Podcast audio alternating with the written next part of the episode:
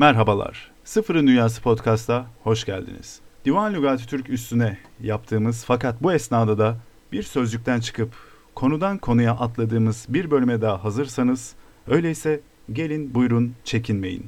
En son bölümde temür kelimesinde kalmıştık yani demir kelimesinde ve demir cisminin nesnesinin sadece bir metal olmadığından aynı zamanda mitolojik kültürel faktörler de taşıdığından dem vurmuştu Kaşgarlı Mahmut. Biz de onları konuşa gelmiştik. Ve sıradaki kelimemiz ise tamur yani damar. Kaşgarlı Mahmut şöyle izah ediyor. Vücuttaki damar. Oğuzlar mimin üstünlü haliyle tamar derler. Yani Türkiye unsurlar tamur daha yaygınken Oğuzlardan ise tamar şeklinde duyuyormuşuz. Oğuzları kastederek diyor ki onlar devamlı olarak kolaylık peşindedirler. Üstünlü şekil, harekelerin yani Arap alfabesinin yazımıyla alakalı hususlar en kolayı bu olduğu için ona doğru meylederler. Şimdi Kaşgarlı Mahmut farklı lehçeleri kıyasladığında Oğuzların e, daha kolay konuşma eğiliminde olduğunu düşünüyormuş gibi bir hal çarpıyor gözümüze. Kendisi malumunuz tabii ki Türk fakat Oğuz değil kendisi e, Orta Asya ve Doğu Türkistan'a hükmeden Karahanlılardan çıkma ve kendisi de bu sebeple mi olsa gerek bilinmez. Oğuzların yani diyelim ki Selçukluların, Türkmenlerin kullandığı Türkçeyi daha kolaya kaçar bir halde görüyor. Fakat burada tabii ki kolaya kaçmak ne demek, ne anlama geliyor? Yani e, bir dili konuşurken tamur yerine tamar demek kolaya kaçmak mı olmaktadır?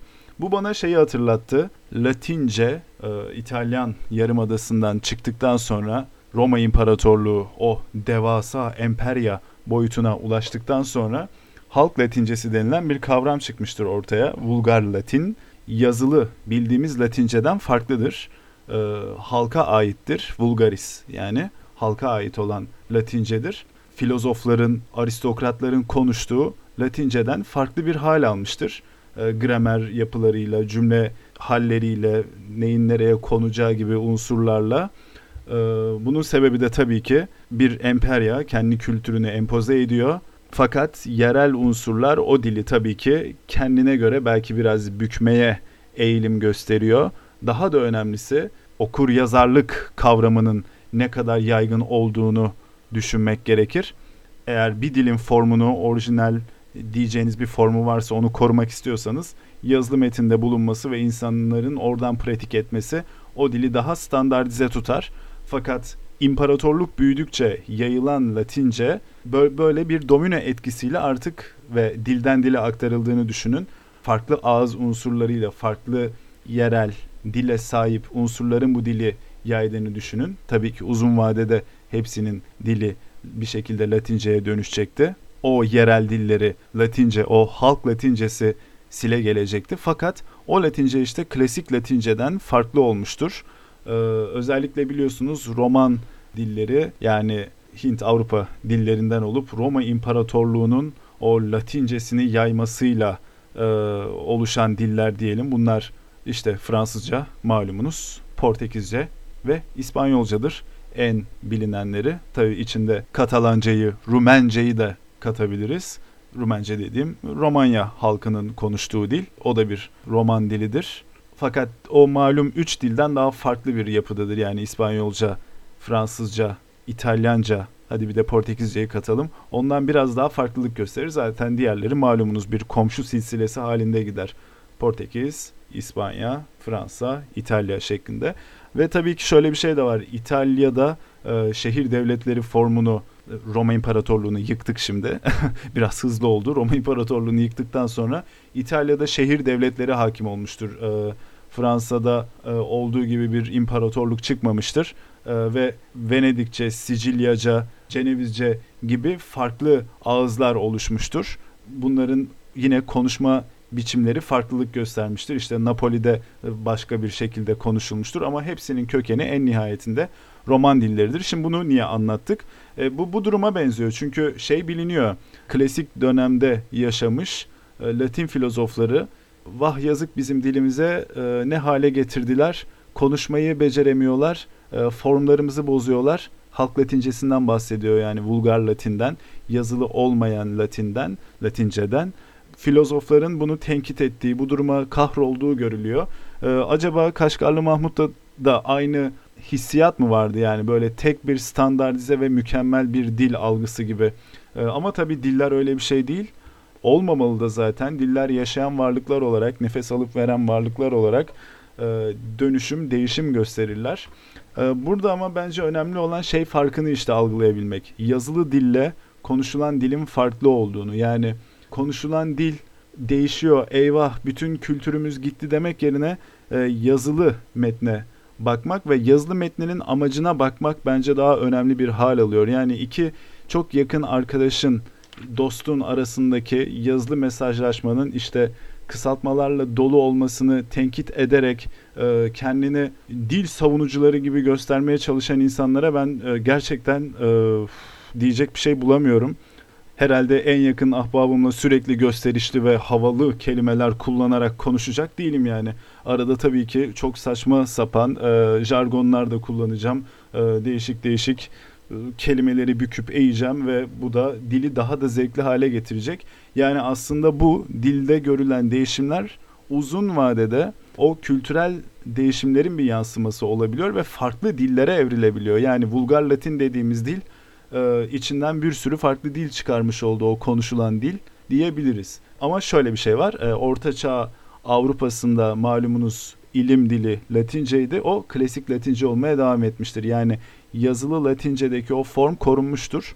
Ama bu vulgar Latin denilen e, olguda işte Roma İmparatorluğu'nda imparatorluk genişledikçe o konuşulan dil sözel olarak bozulma ama bozulma işte tırnak içerisinde yani orijinal Latince yazıp çizen alimler bozuluyor dilimiz demiş ama o diller sonrasında e, şu an insanların öğrenmek için e, heves ettiği dillere dönüştüler. E, bu işler böyle oluyor değil mi? Yani Kaşgarlı Mahmut'un da Oğuzlar buna tamar diyor, kolaya kaçıyor demesi. Alın işte biz şimdi damar diyoruz. Onun tamur dediği vücut bileşenine biz damar diyoruz. E, bu kötü yaptığımız anlamına mı gelmek zorunda? Yoksa Kaşgarlı Mahmut'la kavga mı ediyorum? Hayır hayır öyle bir şey yapmıyorum. Ee, peki güzel. Damar kelimesinin damlamak etimolojisinden yani damlamak kökünden geldiğini de etimolojisinin bu olduğunu da söyleyip yolumuza devam edelim. Ee, sıradaki kelimemiz çagır. Neymiş bu? Kaşgarlı Mahmut şöyle açıklıyor. Meyve ve sebze suyu. Çok güzel. Bir sonraki madde yine çagır ve şarap şeklinde açıklanmış. Ee, şöyle bir izah var. Bu kelime zıt anlamlı kelimelerdendir diye. Bunun tam olarak ne olduğunu anlayamadım. Acaba hem sebze suyu hem meyve suyu anlamına gelip hem de e, şarap manasına gelmesine mi e, bir değinme yapmış e, bilmiyorum. Fakat çok önemli bir konu ki bence bu. Bazı kelimeler dilimizde biz fark etmeden yaşayabiliyorlar. İşte bunun bir örneği mesela çakır keyif değil mi? Ee, biz çakır keyif kelimesini 3 bira içtikten sonra e, şuna bak çakır keyif oldu heh, diye söylüyoruz. Arkadaşımız tuvalete gittiğinde onun arkasından. Fakat e, çakırın ne anlama geldiği üzerine belki çok düşünmüyoruz. Divan Lügati Türk'te e, şarabın Türkiye formu olarak karşımıza çıkıyor. Malumunuz şarap bize Arapçadan geçmiştir. Nelerle aynı köktendir, şurupla aynı köktendir, e, maşrapayla aynı köktendir, şerbetle aynı köktendir. Hep bir içilme unsuru olarak karşımıza çıkan bir köktür kendisi. Fakat Divan Lügat Türk'te yazan form çakır. Evet.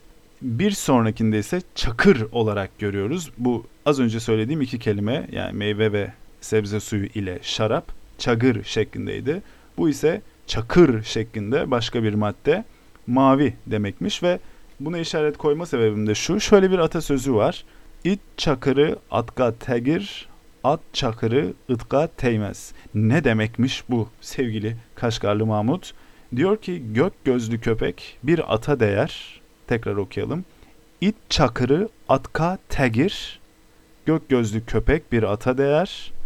At çakırı ıtka tegmez. Yani gök gözlü at ise bir köpeğe değmez. Çünkü gök gözlü atlar iyi göremez.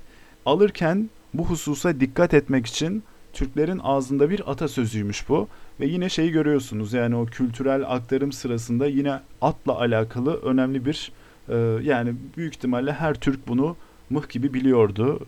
Zaten Kaşgarlı Mahmut da bu gözlere sahip atların iyi göremediğine vurgu yapmış ama malumunuz köpeklerde böyle bir durum yoktur. Hatta o köpekler böyle ayrıca bir güzeldir ve gösterişli heybetli olurlar daha kurdumsu bir yapıda olurlar değil mi o mavi gözlere sahip köpekler. Burada Kaşgarlı Mahmut'a bu bilgiyi bizimle paylaştığı için teşekkür ediyoruz. Peki peki sıradaki kelimemiz sagır ve bu kelime şu şekilde izah edilmiş. Hükümdarların mahiyetiyle birlikte yaptığı bir tür av. Hakan adamlarını yabani hayvanları toplayıp kendisine doğru sürmeleri için Bozkır'a ve ormana yollar. Hakan peşlerine düşmeden durduğu yerde yabani hayvanları avlar. Bu ne kadar güzel bir avmış. Nasıl olsa ben Hakan'ım ya. Siz e, benim mahiyetim değil misiniz? Gidin ormana dalın siz. Hayvanları kümeleyin, ürkütün, benim üstüme doğru sürün. Ben durduğum yerden e, avlanırım.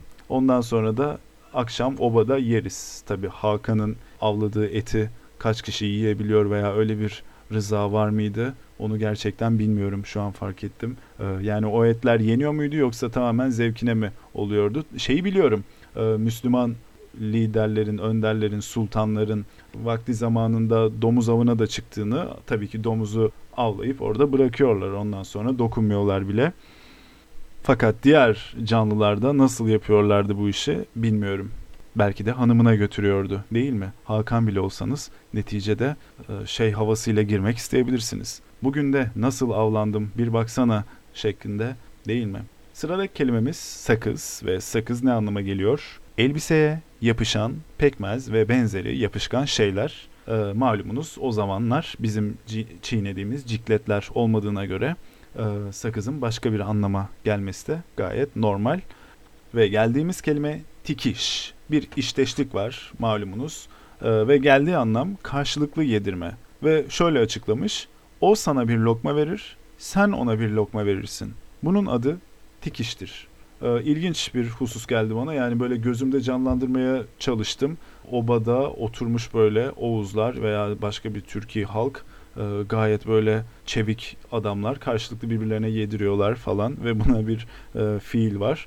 Acaba nasıl bir eylemdi bu? Bir güven ele alameti gibi bir şey miydi? Yani hani sana zehirsiz birbirimize yediriyoruz falan gibi bir seremoni şeklinde miydi yoksa tam olarak ne işe yarıyordu? Yani hani karşılıklı yedirmeyi neden özellikle sözlük içine koyma gereğinde bulunsun Kaşgarlı Mahmut? Yani bu o kadar yaygın bir şey miydi? Karşılıklı birbirine yedirme yani kültürel bir seremoni olması beklenebilir öyleyse. Dediğim gibi aynı zamanda kültür okumaları yapmaya da e, yarıyor buradaki kelimelere. Sorduğunuz zaman yani niye böyle bir fiil olsun? Bir, ikincisi neden Kaşgarlı Mahmut bu sözcüğü yazma gereğinde bulunsun şeklinde bakarsanız Peki sıradaki kelimemiz çavuş ve şu anlama geliyormuş. Savaşta safları tanzim eden ve askerleri zulüm yapmaktan uzak tutan kimse.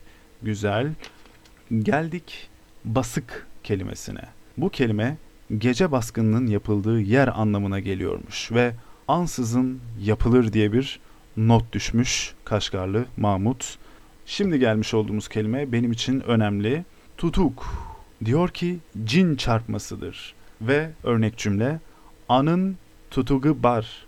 Bu da haliyle onun tutuğu var yani onda çarpılma, cin çarpılması var şeklinde bir ifade. Artık kim bilir o kişinin nesi vardı.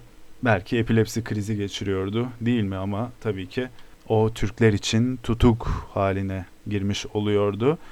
Burada önemli olan şey e, benim için aynı zamanda tutuk kelimesinin haliyle tutma ile ilişik olması ve hatta altında bir tutuk maddesi daha var rehin şeklinde ikinci bir anlamı daha var bu kelimenin yani hem cim çarpması anlamına geliyor hem e, rehin e, hali anlamına geliyor.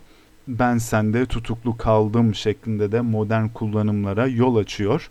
E, fakat cin çarpması olması benim şuradan aklımı kurcaladı. Malumunuz Türkçe'de güneş ve ay eklipsine bu şekilde ifade etmek durumunda kaldım. Kusura bakmayın. Güneş ve ay eklipsine e, tutulması diyoruz. Yani güneş tutulması diyoruz. Ay tutulması diyoruz. Acaba bu tutulmak cin çarpmasıyla ilgili olabilir mi? Yani güneşi cin çarpıyor ve işte o cinden anlayacağımız şey kötü ruhların tesirine giriyor e, veya işte ayı cin çarpıyor, kötü ruhlar onu esir alıyor, onu tutuk kılıyor gibi olabilir mi? Çünkü eğer biliyorsanız eski insanlar için gökteki bu iki heybetli ve aynı zamanda mitolojik, efsunlu, kudretli bu iki varlığın bir anda sönmesi için hiçbir sebep yoktu ve e, böyle bir şey olduğu zaman çok fazla paniğe kapılmaları da yani bunun bir astronomik bir vaka olarak algılamadıkları için e, çok normaldi. Ki ki düşünün Anadolu'da çok yakın bir zamana kadar yani Cumhuriyet sonrasını bırakın e, belki de 90'lı yıllara kadar şöyle köylerde kayıt olduğu biliniyor Anadolu köylerinde. Bizim Türkler yani ay tutulması, güneş tutulması olduğu zaman e, tencere çalıyorlar. Tencere tava çalıyorlar. Gürültü çıkarıyorlar ki kötü ruhları kovarak güneş tutulmasını, ay tutulmasını sona erdirmek için. Bu tabi folkloral olarak, kültürel olarak bir şekilde hani tamam gök cismi olduğunu anladık. E, güneşin bir yıldız olduğunu anladık. Şunu da anladık, bunu da anladık ama yine yapmadan duramıyoruz şeklinde de devam ediyor olabilir. Yani e, artık modern dünyadayız. E, modern hayatlarda fakat e, beklemediğiniz bir insan bile ne yapabiliyor? Eliyle tahtaya vurabiliyor değil mi? E, aman şeytan kulağına kurşun diyerekten. Acaba o şekilde mi yaşıyordu yoksa insanlar gerçekten hani malumunuz yağmur duasına da çıkılıyor hala sene 2017. O şekilde e, yine biz yapalım ne olur ne olmaz diye tencere tava çalmakta e, güneşi ve ayı esir alan bu ruhları kovmak için bu fenacıl kötücül ruhları kovmak için bir gerek mi duyuyorlardı buna ihtiyaç mı duyuyorlardı diye düşündüm. Bu tutuk kelimesi bu yüzden bana mühim geldi. Peki sıradaki kelimemiz kamu. Ee, burada kamuk şeklinde yazılmış. Ee, malumunuz hepsi herkes anlamına geliyor. Hatta en e, güncel e, dil devriminden sonra oluşturulmuş formu da kamuoyu şeklinde biliyoruz onu değil mi? E, hepsi anlamında bir edat diye açıklamış Kaşgarlı Mahmut ve şöyle bir örnek cümle vermiş. Kamu kişi tüz ermez. Tüzü burada bir hani denklik olarak düşünmeniz lazım. Hani düz, dümdüz düşünün. Dümdüz bir platform düşünün. Orada her şey birbirine denk değil mi? Hani fiziksel olarak o anlam aslında şeye evriliyor. O sembolik anlama evriliyor. E, kamu kişi tüz ermez. Yani denk ermez diye de düşünebilirsiniz dediğim gibi. Anlamı şudur insanların hepsi eşit değildir. Hım hiç de sosyalist değilsiniz Kaşgarlı Mahmut ve bu sebeple daha da belki hoşuma gittiniz. Kendi yaşadığı dönem zaten düşünüldüğünde değil mi? Bir tarafta beyler var, hakanlar var, krallar var, sultanlar var, halifeler var. Ee, görece daha üst sınıfta olan insanlar var. Haliyle daha düşük sınıflar var. Çünkü biliyorsunuz artık yok. Yani artık hiç kalmadı öyle şeyler o zaman vardı artık yok. O yüzden böyle bir açıklama gereğinde bulundum size o zamanları. Ee, şimdi herkes aynı sosyal sınıfta biliyorsunuz ee, ve demokrasi var. Herhalde kendimi de böyle e, kaşıyasım, neşelendiresim ama bir yandan da e, huysuzlaşasım var. Peki peki sıradaki kelimemiz barak. Çok tüylü köpek anlamına geliyormuş ve şöyle bir açıklama ile devam ediyor Kaşgarlı Mahmut. Türklerin inancına göre akbaba yaşlandığı zaman iki yumurta yumurtlar. Onların üstüne kuluçkaya yatar. Bu yumurtalardan birinden Barak adı verilen çok tüylü köpek çıkar. Bu en hızlı koşan ve avı en iyi koruyan köpektir. Diğer yumurtadan da akbabanın yavrusu çıkar ki o da artık en son yavrusu olur. Çok yaşlandığı için artık o da son yavrusu olmuş olur. Bu çok ilginç bir inanış yani bir akbaba yumurtasından bir köpek çıkacağını düşünmek. Yani diyeceksiniz ki e, nesi ilginç sonuçta mitoloji değil mi? Ya ne bileyim hani topraktan böyle gök kuşağının düştüğü yerden falan çıkacak diye beklersiniz o köpeği değil mi? Hani mitolojik bir unsur olarak. Ama yok akbaba, akbaba yumurtasından çıkıyormuş. Ee, kim bilir nasıl bir bağlantılar silsilesi oldu da böyle bir mitolojik hikaye oluştu değil mi? Peki sıradaki kelimemiz balık ve kale şehir anlamlarına geliyor. Kimde? Uygurların lehçesinde. Şimdi burada bu kelimeye işaret koymamız sebebi Uygur metinlerini okumaya e, heves ederseniz eski e, balık kelimesini çok görebilirsiniz. E, şehir anlamında olacağını, bu şekilde okumanız gerektiğini biliniz. Özellikle ırk bitik denilen meşhur e, Uygur kitabını okursanız biliyorsunuz içinde Budist ve Maniheist etkilerle yazılmış bir 9. yüzyıl eser yani 9. yüzyıl olarak hatırlıyorum. Hemen bakayım ve emin olmuş olayım. Irk bitik 9. yüzyıla ait bir eserdir. E, ırk zaten fal demek. E, bitig ise malumunuz betik yani kitap demek fal kitabı gibi düşünebilirsiniz. İçerisinde, içerisinde bu kitabın rüya yorumları var. Ee, benim bildiğim kadarıyla bu parşömenler, bu kağıtlar Uygur alfabesiyle yazılmış halde bir mağarada ne mutlu bize ki bulundular, korunmuş bir halde. Büyük ihtimalle orada saklama güdüsüyle mi koydular yoksa bir kişi orada fal bakıyordu sonra öteki dünyaya göçtü kaldı mı nasıl oldu o kağıtlar bulundu orada ve e, şu an modern Türkçemize e, Türkiye Türkçemize çevrilmiş halde kitapçılardan satın alabiliyorsunuz. İçinde rüya yorumları var. Çoğunlukla olumlu sonuçlara bağlama eğilimi var kitabın. E, fakat şey de hoş bir şey tabii yani bizim demek ki 800'lü yıllarda yazılmış Türkçe, Türk alfabesiyle yazılmış rüya yorumlayan bir kitabımız da var. Tabii ki Çin etkisi göze çarpıyor bu kitaplarda. Aslında çok böyle bir birleşme hani Budist etki, Maniist etki, ondan sonra Uygurların kendi kültürü biraz da Çinlilerden yorumlamalar. Tam böyle bir bileşke, güzel bir kültür oluyor. Ne diyorduk? Balık kelimesini kale ve şehir olarak algılayabilirsiniz. Ama özellikle not koyma sebeplerimden biri de Müslüman olmayan Uygurların bu şekilde söylediğini, konuştuğunu belirtmiş Kaşgarlı Mahmut ve onlardan cahiliyetül cühela şeklinde bahsetmiş. Malumunuz bu kitabın e, böyle bir propaganda yönü var. E, Abbasi Sarayı'na yazılmasından ötürü Müslüman olmayan Uygurları özellikle çok fazla aşağılama eğiliminde olduğunu görüyorsunuz. E, çünkü onlar kandaşlar Karahanlılarla.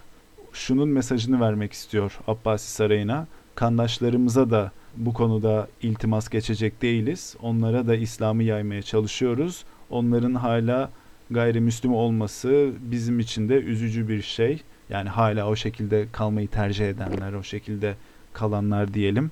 Ve tabii onların üstüne gaza da yapıyorlar. Gaza kelimesini kullanınca belki daha nasıl diyelim sempatik duruyor ama yani o insanlara savaş açıyorlar. Evet. Peki sıradaki kelimemiz çomak. Şimdi ise tam tersine e, Müslüman olmayan Uygurlardan Müslümanlara gelen bir tanımlama şekliymiş bu. Ee, şöyle izah ediyor Kaşgarlı Mahmut. Uygurlar ve bütün kafirlere göre, burada bahsettiği Uygurlar tabii ki gayrimüslim Uygurlar, onlara göre Müslüman. Yani onlara Müselman, Müslim gibi kelimelerle seslenmek yerine onları çomak olarak anmayı tercih etmişler.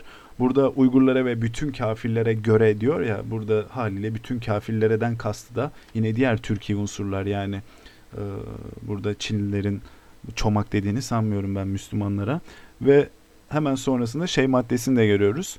Çomak aynen günümüzde olduğu gibi hani ben bu feleğin çarkına çomak sokarım şeklinde olduğu gibi bildiğimiz çomak sopa anlamı şeklinde de izah edilmiş Kaşgarlı Mahmut tarafından. Yani aynı çomak kelimesi hem sopa anlamına geliyormuş hem de e, gayrimüslim Türkiye unsurlar Müslümanlaşmış olanlara çomak diyorlarmış. E, çomak eri Müslüman adam anlamına geliyormuş. Acaba ikisi arasında bir alaka var mıydı yani sopa kelimesiyle? Peki şimdi kelimemiz kalık ve hava anlamına geliyor. Malumunuz Türkiye Türkçemizde kullandığımız hava Farsça kökenlidir. Fakat Divan Lügat-ı Türk'te kalık olarak karşılığı verilmiş. Acaba kalan, kalmış olan gibi bir anlam çıkarılabilir mi? Yani etimolojik olarak böyle bir doğuşu olmuş olabilir mi bu kelimenin? Neden? Çünkü rüzgar da esse, fırtına da çıksa, ne olursa olsun hep o bir şekilde kalıyor. Yani e, tırnak içerisinde havada asılı kalıyor hava. Sürekli soluyabiliyoruz yani ne olursa olsun gibi bir acaba düşünceyle kalık demiş olabilirler mi? Ama bu şu da var. Bu buradaki hava hangi hava yani hava bozdu dediğimizdeki hava mı yoksa şöyle bir ciğerlerine hava çek bakalım denilen hava mı? Bunun izahı yok mesela. Peki. Öyleyse devam edelim. Şimdi bu maddeye ben bayılıyorum. Sıradaki maddemiz kumuk. Bu bir özel isim büyük harfle yazılmış. Diyor ki beylerden birinin adıdır. Kaşgarlı Mahmut bu şekilde izah ediyor ama bitti mi bitmedi devam ediyor. Bir süre ben onunla arkadaşlık ettim. Oh öyle mi? Harika. Hemen Abbasi Sarayı'na da bunu bilgilendirmemiz lazım. Ee, dediğim gibi Kaşgarlı Mahmut'un yazdığı bazı şeyler beni tebessüm ettiriyor. Bunu da tabii ki hani şey gibi bir e, çok sempatik bir olay bulduğum için tabii ki gülümsüyorum. Yoksa bu kitaptaki devasa emeğin içerisinde böyle şeyler görmek nasıl diyeyim daha rahatlatıcı ve aslında okunur kılıyor kitabı belki de. Hani ben bunu okuduğumda şeyi düşünmüştüm. Kaşgarlı Mahmut da herhalde arkadaşlarıyla hava atıyor yani. O beyle de ben bir zamanlar arkadaştım şeklinde. Ama tabii ki kendi biyografisi açısından da önemli yani bunu buraya yedirmiş olması. Ee, o zamanki o Kumuk Bey'e dair elimizde bir başka veri olsaydı belki Kaşgarlı Mahmud'un da nerelerden nasıl geçtiği, e, hangi yolları güzergahı izlediği hakkında belki hani bir gramcık daha fazla bilgimiz olabilirdi. E, demek Kaşgarlı Mahmut Kumuk Bey ile arkadaşlık etmiş. Peki harika. E, ve bu kelimeye herhangi bir anlam da vermemiş. Yani şöyle söylüyorum hani bir ismin manası olur işte değil mi? Hani Kökhan göğün hanı demektir. Peki güzel. Ama kumuk şu anlama gelir bu anlama gelir diye bir ifadede kullanılmamış. Sadece beylerden birinin adıdır demiş. Ee, o sebeple bana ilginç gelmişti ve işaret koymuştum. Sıradaki kelimemiz biçek ve bıçak anlamına geliyor. Benim bu kelime özellikle işaret koymuş olma sebebim biçme etimolojisini çok bariz bir şekilde görebileceğimiz bir formda olması. Yani biz bunu şu an bıçak dediğimizde biçme ile olan bağlantısını belki kaybediyoruz. O sebeple özellikle okumak istedim ve bir atasözü var. Okuyalım. Neçe yitik biçek erse öz sapın yonumaz. Yani anlamı şudur. Bıçak keskin olsa da kendi sapını kesemez. Neçe yitik biçek erse öz sapın yonumaz. Başkalarının işinde becerikli dahi olup kendi işinde aciz kalan için kullanılır diye devam etmiş izah etmeye. Bir anlamda kelin merhemi olsa başına sürere benziyor ama tam olarak aynı şey değil. Çünkü kelin merhemi olsa başına sürerdi demek şu. Ya o nasihat verir, öğüt verir ama sen bakma ona o boş konuşur anlamına gelir. O merhem olsa zaten kendi başına sürecekti. Ama burada e, başkalarının işinde faydalı, yararlı olabilen bir insanı görüyoruz. Yani e, bıçak evet kesiyor, gayet keskin ama kendi sapını kesmek isterse kendi sapını kesmeyi beceremiyor. Fakat bıçağa da ben burada şunu söylemek istiyorum. Niye kendi sapını kesmek isteyesin ki? Yani kendi sapını kesmen herhangi bir fayda oluşturmayacağı için e, analojik olarak e, kendi kafamda düşündüm. Tamam peki alacağımızı aldık. Teşekkür ediyoruz mana olarak ve devam ediyoruz. E, teşük diye bir kelime var. Belki tahmin edebiliyorsunuz. Deşik yani. Küçük yarık çatlak anlamlarına gelir demiş Kaşgarlı Mahmut ve şöyle bir atasözüyle izah etmiş. Teşük suda belgürer. Anlamı ise şudur. Deşik suda belli olur. Yani aynen Kaşgarlı Mahmut'un izahını okuyorum. Çatlak olan şeyi, çatlağı suda belli olur. Bir işi yaparken övünen kimse için kullanılır. Ona senin işinin iyiliği kötülüğü işi bitirdiğin zaman belli olacak anlamında teşvik suda belgürer denir diyor. Ee, bunu çok fazla e, esnafımıza söyleyebilirsiniz değil mi? Ee, yaparız ederiz deyip ondan sonra gayet yapamadıkları işler olabiliyor. Peki öyleyse devam edelim. Sıradaki kelimemiz sibek. Ee, büyük ihtimalle sidik kelimesiyle bağdaşık olabilir. Çünkü manası şu. Çocuğun beşiğine içine işemesi için konan kamış. Bu sibekmiş. Yine kültürel bir şey olarak bunu okumak istedim. Yani bazen böyle düşünürüm o zamanki insanlar çeşitli hususlarda özellikle sağlık konularında, bedensel ihtiyaçlar konusunda nasıl yapıyorlar diye. Demek mesela e, çocuklara bez bağlayamıyorlar ya. Beşikteyken e, o bölgeye bir demek genişçe bir kamış yerleştiriyorlardı ve belki de idrarı kanalize ediyorlardı. Bir yere doğru akıttırıyorlardı. Yani toprağa toprağa akıttırıyorlardı. Güzel. Sıradaki kelimemiz silik er ve zarif, temiz, yakışıklı, güzel konuşan adam anlamlarına geliyormuş. Yani e, mükemmel bir, müthiş bir adamdan bahsediyoruz adeta. Kimmiş bu adam, nerede yaşıyormuş ve neden silik kelimesiyle anlatılıyormuş. Yani benim buna işaret koyma sebebim geldiği anlamdan çok bunun silik er şeklinde ifade ediliyor olması. Yani hangi etimolojiyle bağlantılıydı da bu şekilde deniyordu. Çünkü hani şu an kulağımıza haliyle silik er yani silik bir adam. Şey gibi değil mi böyle Rus klasiğindeki 7. 9. sınıf memurlar gibi Piotr Semyonovich silik bir adamdı e, şeklinde giden o memur tasvirleri vardır ya e, öyle bir şeymiş gibi geliyor ama tam tersinde bir anlamı var. Peki güzel. Öyleyse devam ediyoruz. Sıradaki kelimemiz sökel ve şöyle bir izah var. Oğuzca'da hasta anlamına gelir. Malumunuz hasta kelimesi dilimize Farsçadan geçmiştir. Orijinal anlamı e, Farsça anlamı yaralıdır. Fakat hem Farsçada hem de Türkçemizde yani hastalanan, hastalanmış illa yaralanmanıza gerek yok anlamında da kullanılır. Ben etimolojik olarak şunu düşündüm. Acaba bu sökel kelimesi e, sökmek köküne bağlanmış bağlı olabilir mi? Zira e, o hastalığın sizi söktüğünü düşünün. Yani şunu kastediyorum. Hastalanınca ne oluyor? Kötü kötü öksürüyorsunuz, kuru kuru öksürüyorsunuz. Adeta içiniz dışınıza çıkıyor e, ve eski insanların haliyle e, mikroorganizmalardan ve bizi hasta yapan unsurlardan da haberi olmadığı için bir şeyin onların canını sökmeye çalıştığını düşünmüş olmaları çok muhtemel. Yani burada tabii ki yine cinlerden, kötü ruhlardan, şunlardan, bunlardan bahsediyorum. Acaba şöyle mi diyorlardı? Bana sökel dadandı, e, canımı sökmeye çalışıyor ama atlatacağım herhalde falan gibi bir e, düşünce biçimleri vardı belki. Sökel. TDK'da şöyle bir not düşmüş. Anadolu ağızları karşılaştırılmıştır ve sökel kelimesinin humma, tifo, zatüre, öldürücü grip anlamlarında ve son olarak da sakatlanmış kişiler olarak kullanıldığı görülmüştür. Notu düşülmüş. Yani bakın ateşli hastalık, zatüre, e, tifo, öldürücü grip hep böyle o sizin o kuru kuru öksürten o içinizi söken hastalıklar belki e, kökeni oraya dayanıyor olabilir ama başka bir cümle içerisinde görüp kıyaslamak daha iyi olacaktır. Öyle bir yorum yapmak için ama bana mantıklı geldi şahsen.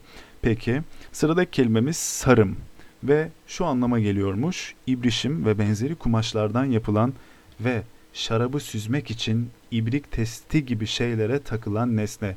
Biliyorsunuz şarapta ne oluyordu? Çöp oluyordu. Ee, bir önceki bölümü dinleyenler neden bahsettiğimizi anlayacaktır.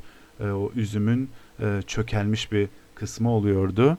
Onu içilecek olan halden def etmek için e, kumaştan yapılan sarım denilen bir nesne takılıyormuş ibriğin ucuna.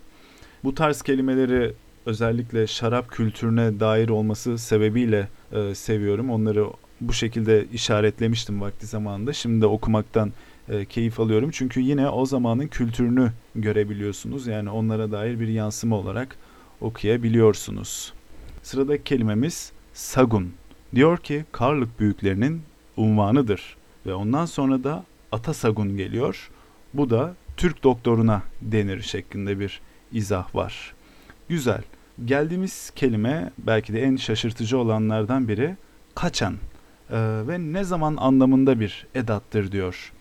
Kaçan geldin, ne zaman geldin manasındadır. Eğer anlamında da olabilir. Örnek cümle kaçan barsa sen.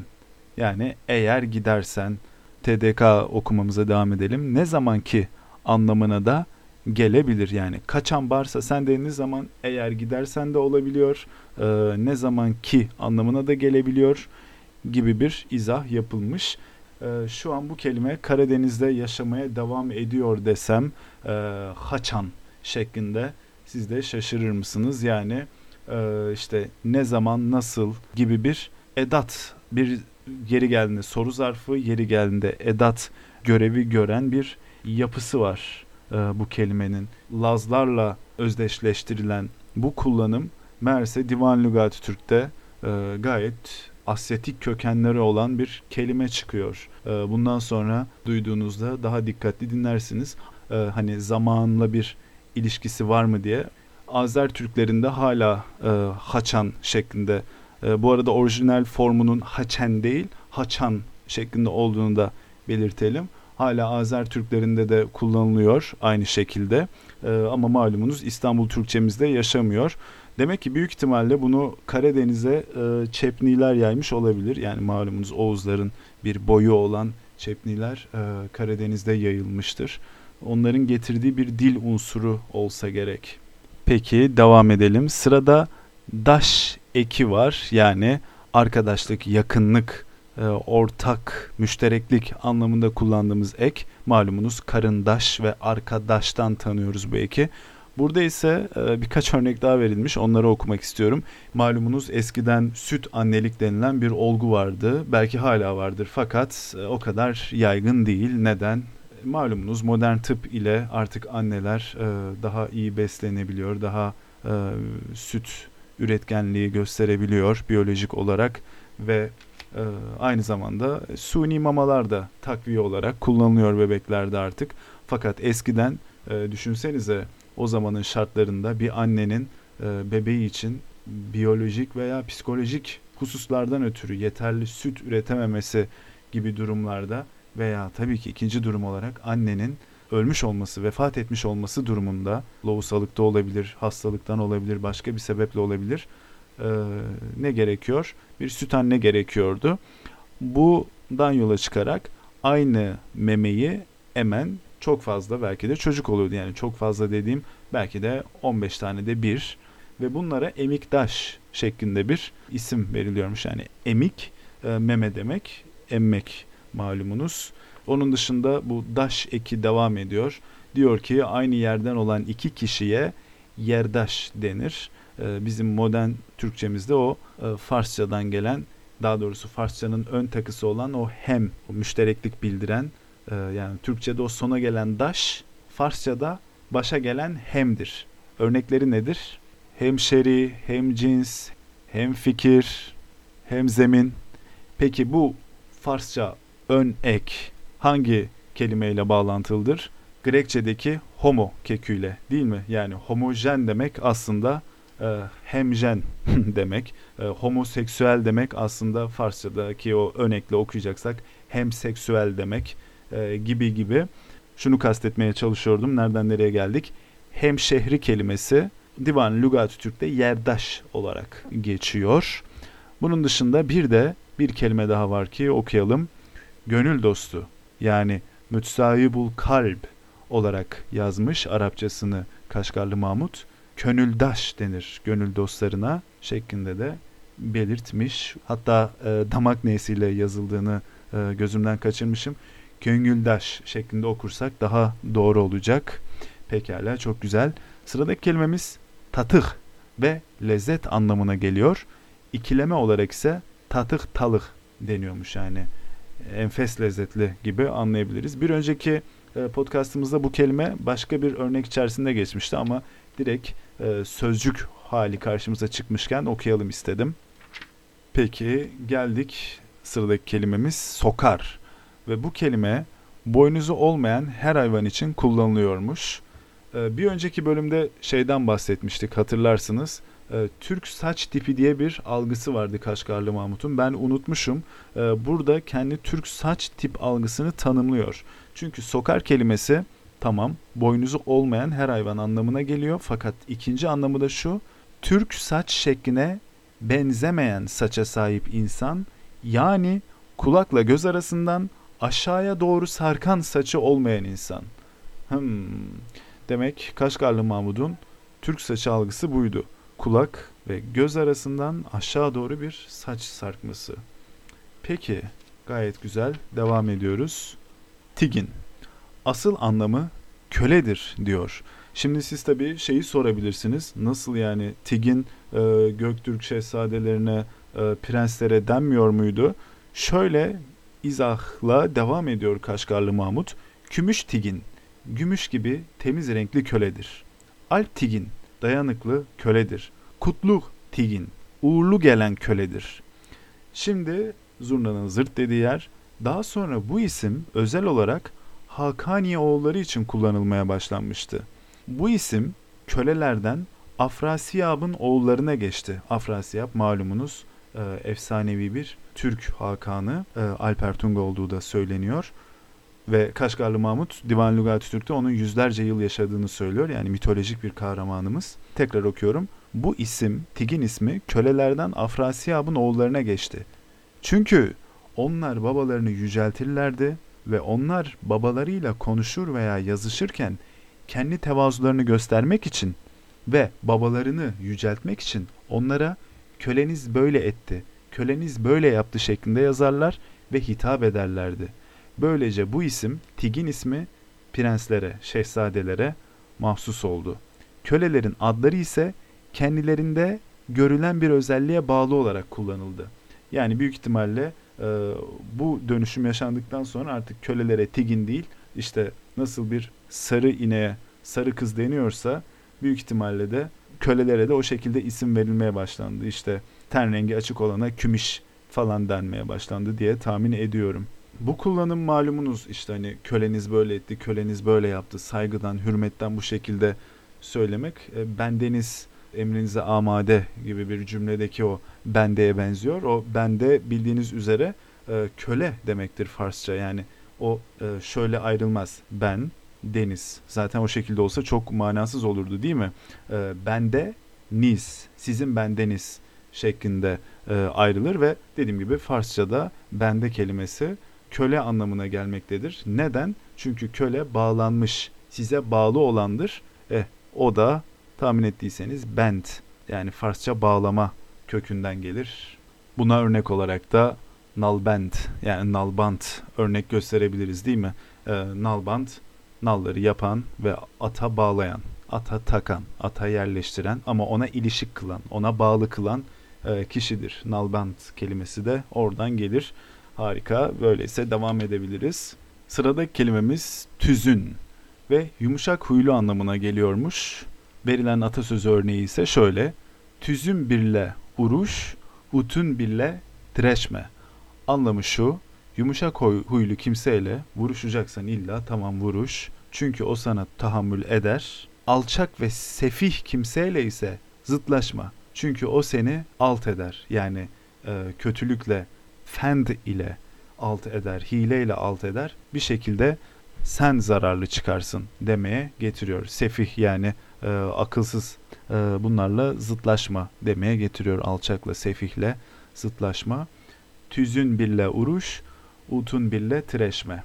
Sıradaki kelimemiz mandu ve Türk sirkesinin adı diyor Kaşgarlı Mahmut. İyi üzümün suyu alınır, testiye konularak ekşitilir, üzerine saf şarap dökülür ve olması için bir gece bekletilir. Yalnızca bir gece ve bu şekilde sirkenin en, en iyisi oluşur. Acaba e, merak ettim yani Türk sirkesinin bu şekilde bir namı var mıydı? Çünkü e, sirkelerin en iyisidir şeklinde övmüş ve en başına da Türk sirkesi diye yazmış. Sırada kelimemiz tilkü. Yani tilki anlamına geliyor. Fakat e, bununla kısıtlı kalmıyor Kaşgarlı Mahmut'un izahı. Şöyle devam ediyor. Kinaye olarak kız çocuk için kullanılır. Bir kadın doğum yaptığı zaman malumunuz o zamanlar ultrason olmadığı için e, çocuğun cinsiyeti doğduğu zaman biliniyor. E, doğumu yaptığı zaman ebeye tilki mi doğdu azu börü mi diye sorulur. Yani tilki mi doğdu e, yoksa kurt mu şeklinde ve tilki mi doğdu ile kız kastediliyormuş. Kız bir bebeğin doğması. Ee, İzan da şöyle yapmış. Çünkü kızda naz ve ele gelmeyiş vardır bir tilki gibi.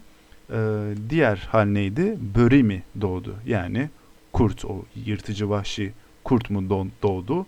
Ee, bununla da erkek çocuk kastediliyormuş. Malumunuz işte e, Türklerin zaten e, kendini sembol olarak gördüğü bir hayvan. E, yiğitlikle özleştirilmiş bir anlamı var burada. Ee, burada bu maddeyi özellikle şeyden okudum. Yani e, buradaki böyle teşbihlerden cinsiyetlere bakış açısı da görülebiliyor. Yani tilki olarak görülmesi de bence olumsuz bir şey değil yani tilki de e, güzel kendi halinde bir e, canlı değil mi? Yani hani şey diye sormuyor. çürük mü çıktı, erkek mi çıktı falan diye sormuyor en azından değil mi? Tilki mi doğdu, azı börü mü? Gayet makul, çok güzel. devam ediyoruz. Sıradaki kelimemiz Burhan e, put anlamına ve oyuncak bebek anlamına geliyormuş. E, bir önceki bölümde bu kelimenin geçtiğini biliyorum. Doğrudan anlamı bu diye vermemiştim ama e, bir dize olarak bir dizenin içerisinde geçmişti ve sonra o dizenin Türkiye Türkçesi ile olan halini okumuştum. E, put anlamına geldiğini oradan anladık. Fakat aynı zamanda oyuncak bebek anlamına da geliyormuş. Buradan da e, böyle bir kültür olduğunu anlayabiliyoruz mesela oyuncak bebeklerin olduğunu.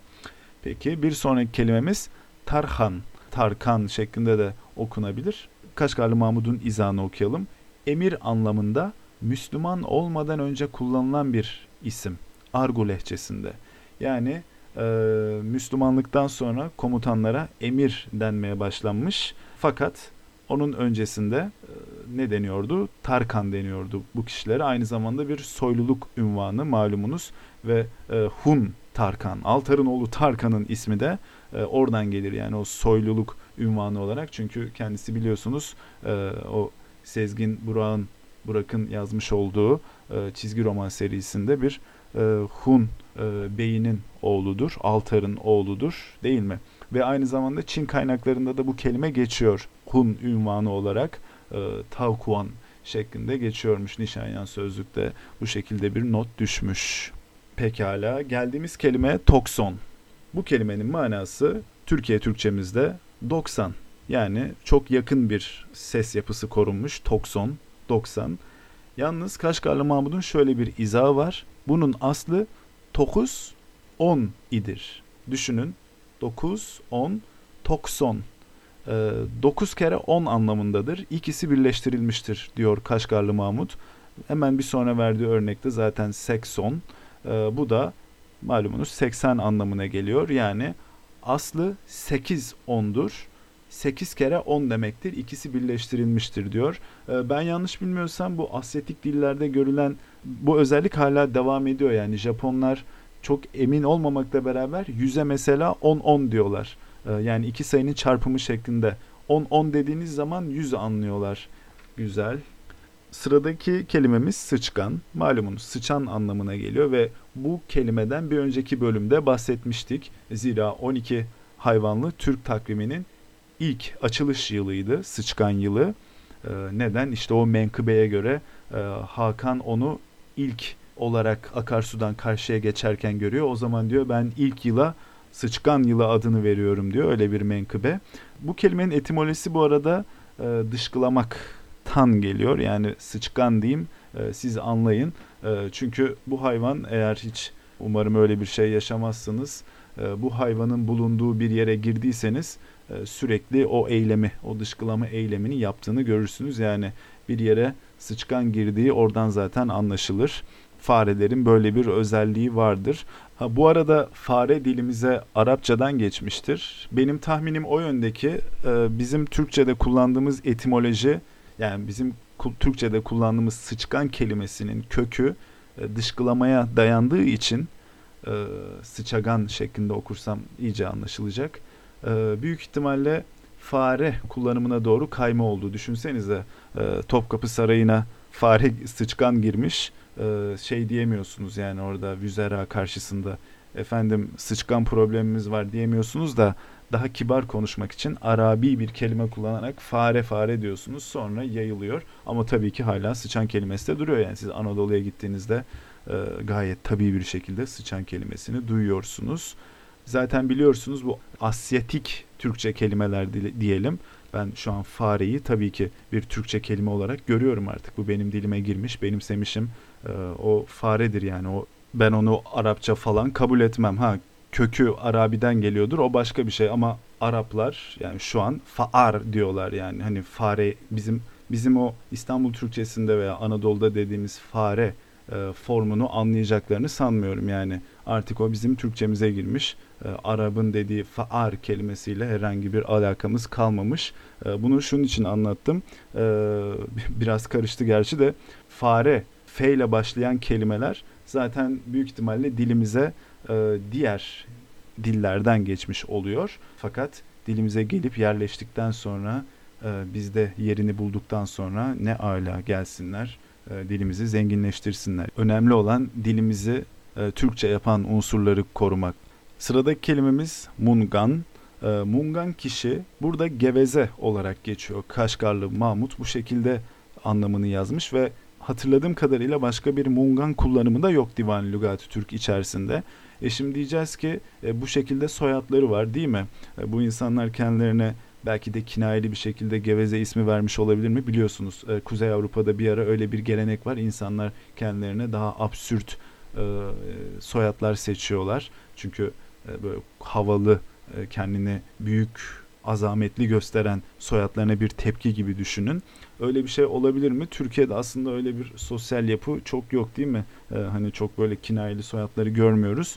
O yüzden TDK'nın modern sözlüğüne baktım ne anlama geliyormuş da yani Divan Lügat Türk'ten bağımsız olarak açtım TDK'nın sözlüğüne baktım. E, cömert eli açık anlamına geliyormuş TDK'ya göre. Büyük ihtimalle soyad olarak kullanılan e, bu manaya geliyor. Demek ki yani bir şeyi e, bir bolluk ifadesi var.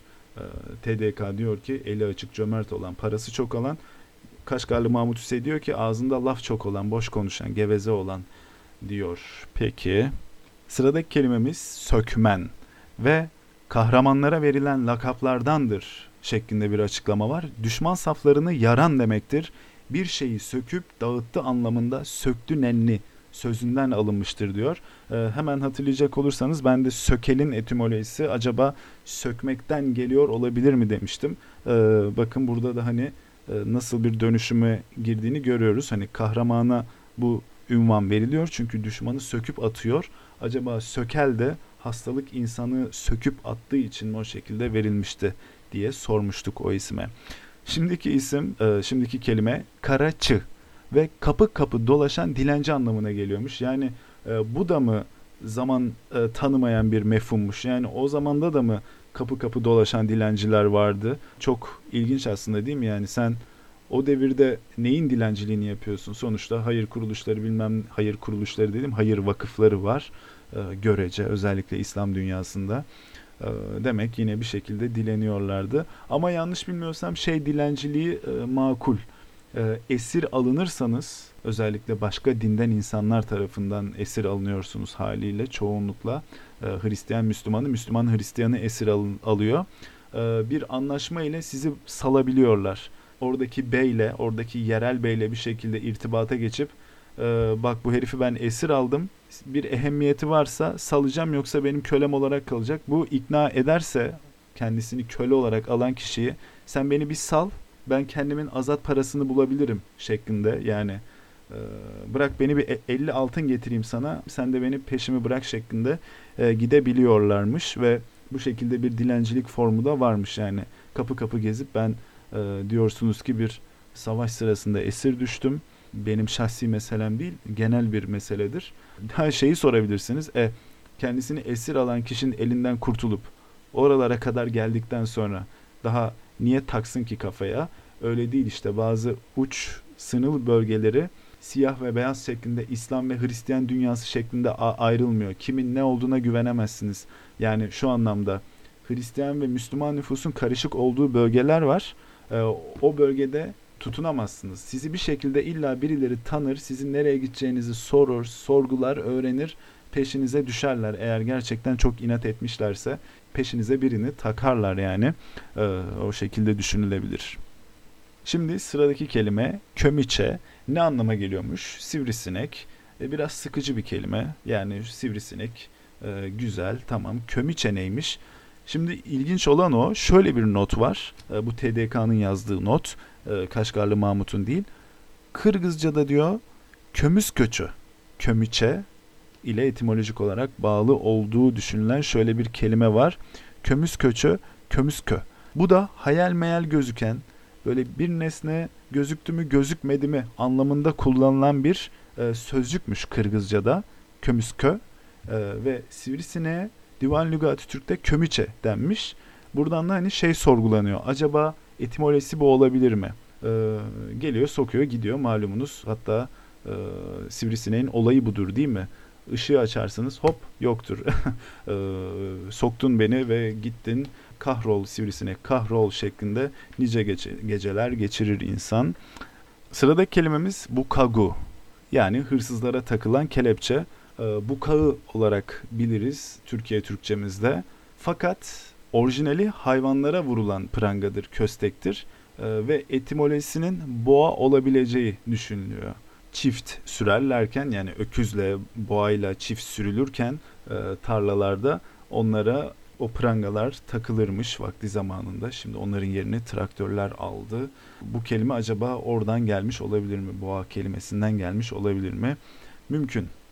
Sıradaki kelimemiz bütüge, patlıcan manasına geliyor. Fakat benim bunu yazma sebebim hani e, neden artık patlıcan diyoruz şeklinde sorarsak Farsçası patlıcanın bildiğimiz patlıcanın badingan imiş. Ee, büyük ihtimalle bu kelime Farslardan alınmış olabilir. Yani Türklerde daha vurgulayarak bütüge şeklinde demiş olabilirler kendi ağız yapılarına uygun olarak. Daha sonradan belki Türk kültüründe o kadar oturmadı. O Farslarda görüldü mörüldü. İyi tamam siz onu yiyin deyip bizimkiler koyun keçi yemeye devam etti. Gayet e, kendi ağız tadımıza bu layık diyerek. Fakat sonra Osmanlı mutfağında biliyorsunuz bir yeri olmuştur patlıcanın ve belki de o Arabi varyasyonu olan badıncan şeklinde tekrar girince uzun vadede o patlıcana dönüştü belki de. Ee, belki de orada bir halk etimolojisi oldu yani e, B kelimesi de pat oldu ki hani bir yansımaymış gibi niye hani büyüyor ya kendisi hani bir e, patlıcan hani artık büyüme şeklinde bu tabii kulağa saçma geliyor çünkü halk etimolojisi zaten kulağa saçma gelir yani halkın o bir kelimeye şu kökten geliyor olabilir mi şeklinde yaklaşımıdır. Ee, öyle sanmasıdır ve kelimelerin değişimini, dönüşümünü de etkilediği olur. Bunun malumunuz en en en bilinen örneği kangrendir. Kangren deyince sanki bizim e, gayet Türkçe hani kangren, e, kan oraya girdi çıkamıyor ve o yüzden organda çürüme başladı, dokuda çürüme başladı, kesilmesi gerek gibi bir anlam geliyor değil mi kafamıza? İşte bu halk etimolojisi normalde hiç kanla girmekle vesaire hiçbir şeyle alakası yok ama evet gerçekten orada e, kan dolaşımının ölmesi sebebiyle doku çürümesi söz konusu ama bir tesadüf eseri yani kelime aslında Grekçe gangreina'dan geliyor. E, o buruşma anlamına gelir. E, gangreina buruşmadır. Bizim dilimizde gangreina'dan kangrene evrilmesi yani bir halk etimolojisidir. Onu ifade etmek için e, söylemek istedim. Bu arada bütüge patlıcan demişken Almanlar neden e, patlıcana bu kadar bayılıyorlar? Hiç bilmiyorum fark ettiniz mi? Hiçbir Almanla münasebetiniz oldu mu?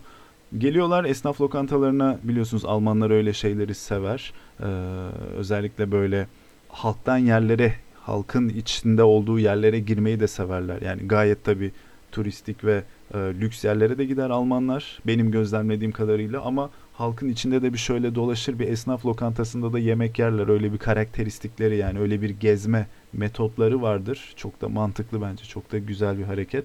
E, ve patlıcana bayılırlar yani. Esnaf lokantasında patlıcan yiyen Alman görmek işten bile değildi. Fakat malumunuz artık ülkemize o kadar da e, gelmemeye başladılar Hatta bir arkadaşımın anlattığı şöyle bir vakayı biliyorum. Ee, gayet yaşını başını almış bir Alman e, Türkiye'ye geliyor ve tatilden sonra yurduna, Almanya'sına, Germany'sine e, paket paket patlıcan götürüyor.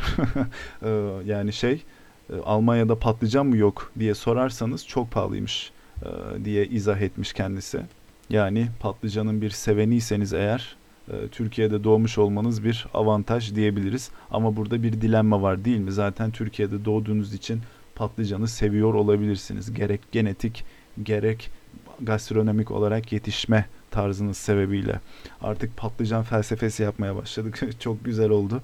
Şimdi süründi er diye bir kelime var ve bu her yerden kovulmuş kişi anlamına geliyormuş. Burada tabii şeyi merak ettim. Buradaki etimolojinin sürünmekle alakası olabilir mi kök olarak? Yani artık e, oradan oraya süründü, süründü, süründü. Her yerde süründü bu er. Her yerden de kovuldu manasında. Ve bir kişi her yerden kovulmuşluğu hak etmek için acaba o zaman ne yapması gerekiyordu değil mi? Burada soru bu. Yani hep şeyi söylemeye çalışıyorum ya sosyokültürel gözle bakmak. Demek ki böyle bir olgu oluyormuş. Yani burada şeyi okuyup geçmemek lazım. Süründü er, her yerden kolmuş kişi. Hop sayfa çevireyim falan. Ee, böyle bir sosyal olgu olduğunu anlıyoruz. Ee, toplumda bir modern tabirle söylersek resmen blok koyma, ignore etme. Black Mirror'ın yani böyle bir dizi var biliyorsanız. Birinci ve ikinci sezonu harika olup E, zira İngilizler yapmıştı. Üçüncü sezonunun Netflix'e geçmesi sebebiyle e, felaket halini almış bir dizi. Bu tamamen benim şahsi kanaatimdir. E, yoksa gayet seveni çok şu an hala. Yani şöyle üçüncü sezonda tamam iyi güzel ama birinci ve ikinci sezon çıtayı o denli yükseltmişti ki üçüncü sezon bana o beklentilerin altında geldiği için sevmemiştim açıkçası. Yoksa sıfırdan başlayan bir dizi olsa saygı duyulabilirdi bir nebze. İşte bir de böyle bir şey var değil mi belki de sanatta. Yani o çıtanın sürekli yükselmek zorunda olması e, yoksa kitlenin üzülmesi. Ama işte e, kitle de haklı. Yani burada şey demiyorum. Aa, kitle şımardı anlamında demiyorum. Hayır. Kitle o işin o kadar kaliteli yapılabileceğini gördüğü zaman e, haliyle ağzı sulanıyor. Demek böyle işler yapılabiliyor. Daha fazla istiyoruz haliyle diyor. Bu da gayet normal bir şey. Değil mi? Fakat ne diyorduk? Bir düşünmem gerekecek. Ee, Black Mirror, evet. E, üçüncü sezonun e, ilk bölümü ki o da İngilizler tarafından yapılmıştı. Sonra Netflix'e geçti. E, üçüncü sezonun bir Christmas bölümü şeklinde, bir Noel bölümü şeklinde çıkan bir bölümü vardı ve orada insan engelleme diye bir olgu vardı. Bir insan engellendiği zaman artık diğer insanlar onları görmüyor. Onun yerine bir karartı görüyor ve onun sesini de duymuyorsunuz. Zira kulağınızda da e, teknolojik bir ne diyelim dönüştürücü var. İşte hani kulağınızın içine gömülü ne diyelim teknolojik araçların, muhtelif teknolojik araçların duyu organlarıyla tümleşik çalıştığı bir e, gelecek senaryosu e, ve engel koyabiliyordunuz bir şahsın bizzat kendisine. Ondan sonra ne derse desin, nereden gözükmeye çalışırsa çalışsın o kişiyi görmüyordunuz. Ee, ne kadar ilginç bir şey değil mi? Hem öyle bir teknolojik olgu olabilir mi sorusunu getirdiğinden hem de e, bir yandan da bir alegori olması sebebiyle çünkü o teknoloji olmadan da o hissi size yaşatan veya sizin o hissi başkalarına yaşattığınız durumlar olabilir. Black Mirror'daki o halin adı Divan-ı Lügat-ı Türk'te varmış. Demek ki insanın e, yine halleri halleriymiş bunlar değil mi? Peki. Sıradaki kelimemiz tat tavgaç. E, tat kelimesi Uygurlar için kullanılıyor. Tavgaç kelimesi ise Çinliler için kullanılıyor. Fakat buradaki mevzu şu ki tat kelimesini genellikle e, bir hakaret olarak görüyoruz. Gayrimüslim Uygurlar için kullanılan. Galiba bir iki istisnası vardı hakaret olarak geçmedi ama genel olarak tat dendiğinde Müslüman olmayan Uygurlara böyle aşağılayıcı, kötücül bir ifade olarak e, anlayabiliyorsunuz. E, onlara bir takılan isim olarak anlayabiliyorsunuz. Sıradaki kelimemiz sagdıç. E, arkadaş manasına geliyor. Bu modern anlamda kullandığımız e, damadın arkadaşı olan anlamındaki formuyla tanıyoruz modern Türkçemizde değil mi? Sadıç olarak tanıyoruz. Fakat Divan Lügati Türk'te anlamı doğrudan arkadaş olarak verilmiş. Demek ki bu kelime böyle bir özelliği vardır işte dillerin. Eş anlamlı kelimelerin dilde e, oluşması şu anlamda çok iyidir. O dil canlı bir şey olması hasebiyle tekrar söyleyelim. Uzun vadede onların ikisine yavaş yavaş ayrımlar vermeye başlar ve en sonunda bir bakarsınız ki bir anlam değişmesi olmuş. Yani tamam Sadıç yine sizin arkadaşınız ama bu sefer e, damadın yani düğünde kendinize eşlik etmesini istediğiniz arkadaşınız oluyor. Daha spesifik bir anlam kazanıyor gibi haller oluyor. E, bu arada bu kelimenin etimolojisi muğlak yani hangi kelimeden e, kökü ne muğlak e, sadık e, diyemeyiz. Zira sadık kelimesi bizim dilimize Arapçadan geçmiştir. E, sıddık, sadık, e, sıddık malum sadık demek, sadık kişi demek, sıdıka gibi. Yani Arabi olduğunu söylemeye çalışıyorum. Bu kelimenin etimolojisi bilinmiyor. Peki. Sıradaki kelimemiz kuskaç ve siyah bir hayvancıkmış. Ee, güzel. Fakat benim hoşuma giden şey sonrasında Kaşgarlı Mahmut mühim bir not düşmüş. İnsanı ısırır şeklinde. Teşekkürler Kaşgarlı Mahmut. Bundan sonra gördüğüm her bir siyah hayvancığa e, beni ısırabilir şeklinde bakasım geldi. E, yani şunu demek istiyorum. Hayvanı tasvir eden başka hiçbir unsur yok. siyah bir hayvancık insanı ısırır. Sıradaki kelimemiz baldız. Malumunuz aynı anlam kadının küçük kız kardeşi yani eşin e, küçük kız kardeşi. Şimdi bu kelimeyi şundan okudum. Sonrasında devam ediyor anlatım erkeğin kız kardeşine baldız denmez, singil denir diye bir yani damak nesiyle singil denir diye bir ifade var. Yani o zaman görümce yani Divan Lügatü Türk zamanında diyelim 11. yüzyılda diyelim o kültür içerisinde diyelim görümce denmediğini görüyoruz. Onun yerine başka bir kelime var. Ee, daha sonra Nişanyen sözlüğe baktım görümcenin etimolojisini öğrenmek için. Ee, Osmanlı döneminde türediği yani ilk yazılı kaydını Osmanlı döneminde görüyoruz ve büyük ihtimalle gelini görmeye yani gelin adayını görmeye istemeye giden kişi anlamında yani erkeğin kız kardeşi biliyorsunuz Osmanlı toplumunda e, erkek nerede tanışacak ki? İlgili hanım kızla. Onunla nasıl ne diyelim e, niteliklerin uygun olup olmadığını tartacak ki tabii ki bacısına söyleyecek e, sevgili bacıcım e, gidip görür müsün şunu? Peki gelin adayı tarafı ne diyecek görümce geliyor e, bize bakmaya konuşmaya biz de onlara bakalım şeklinde demek ki görümce kelimesi yani toplumsal bir ihtiyaç sebebiyle böyle bir dönüşüm hasıl olmuş çünkü malumunuz o zaman erkek kadın toplum içerisinde daha yakın birbirine büyük ihtimalle. E, o yüzden sinil diye bir kelime var. Fakat e, daha sonra konuştuğumuz sebeple görümce devreye giriyor. E, fakat bu kelime bu anlamı kazanmadan önce yani bin yıl önce diyelim yani Osmanlı döneminden evvel görümcenin orijinal anlamı Uygurca metinlere vesaire baktığınızda Nişanyan sözlüğe göre e, müneccim yani falcı yani görücü diyelim e, görümcenin de İslam öncesi dönemdeki kullanımı buymuş. Yani dilin nasıl dönüşüm gösterdiğine bakar mısınız? İlk anlamı e, yıldızlara bakıp yorum yapan, fal yorumlayan kişi. Daha sonra bu kelime e, Müslüman kültürle yok oluyor ama daha sonra Müslüman kültürle yine gören kişi anlamında ama bu sefer kızı gören kişi anlamında ve abisini erkek kardeşine aktaran kişi anlamında yine bir görümce kelimesi doğuyor ve ilginç değil mi? E, hele ki e, görüp Osmanlı kültürü sebebiyle e, kahve kültürü çok yaygın. Zaten çay diye bir şey yok. E, biliyorsunuz çay e, Türk toplumunda yaygınlaşması cumhuriyetle olmuştur. Çünkü bir cumhuriyet yatırımıdır, bir cumhuriyet e, hareketidir. E, Karadeniz bölgesinin çayca uygun bir iklime sahip olduğu Gürcistan incelenerek anlaşılmıştır ve iktisadi bir yatırım olarak çay yetiştirilmeye başlanmıştır. Karadeniz coğrafyasında Türk coğrafyası zira e, kahve yetiştirmeye çok uygun değildir ve halka yerel üretim olan e, bir içeceği tattırmak ve aynı zamanda bunu ihraç edebilecek olmamız e, çok mantıklı bir hamledir haliyle. Biliyorsunuz şu an çay içme konusunda İngilizlerle yarışan bir milletiz ve e, çayımız da gayet namlı sayılabilir yani. Hani bir İngiliz çayı biliniyor, e, bir de Türk çayı biliniyor dünyada zaten değil mi? Yani tabii ki Seylan çayı, Hint çayı vesaire olan geçenleri İngilizler zaten genel olarak yönlendiriyor diyebiliriz çay piyasasında. Yani en azından ben o şekilde biliyorum. Kendi markaları varsa ayrı bir husus tabi. Neyse şunu demek istiyordum.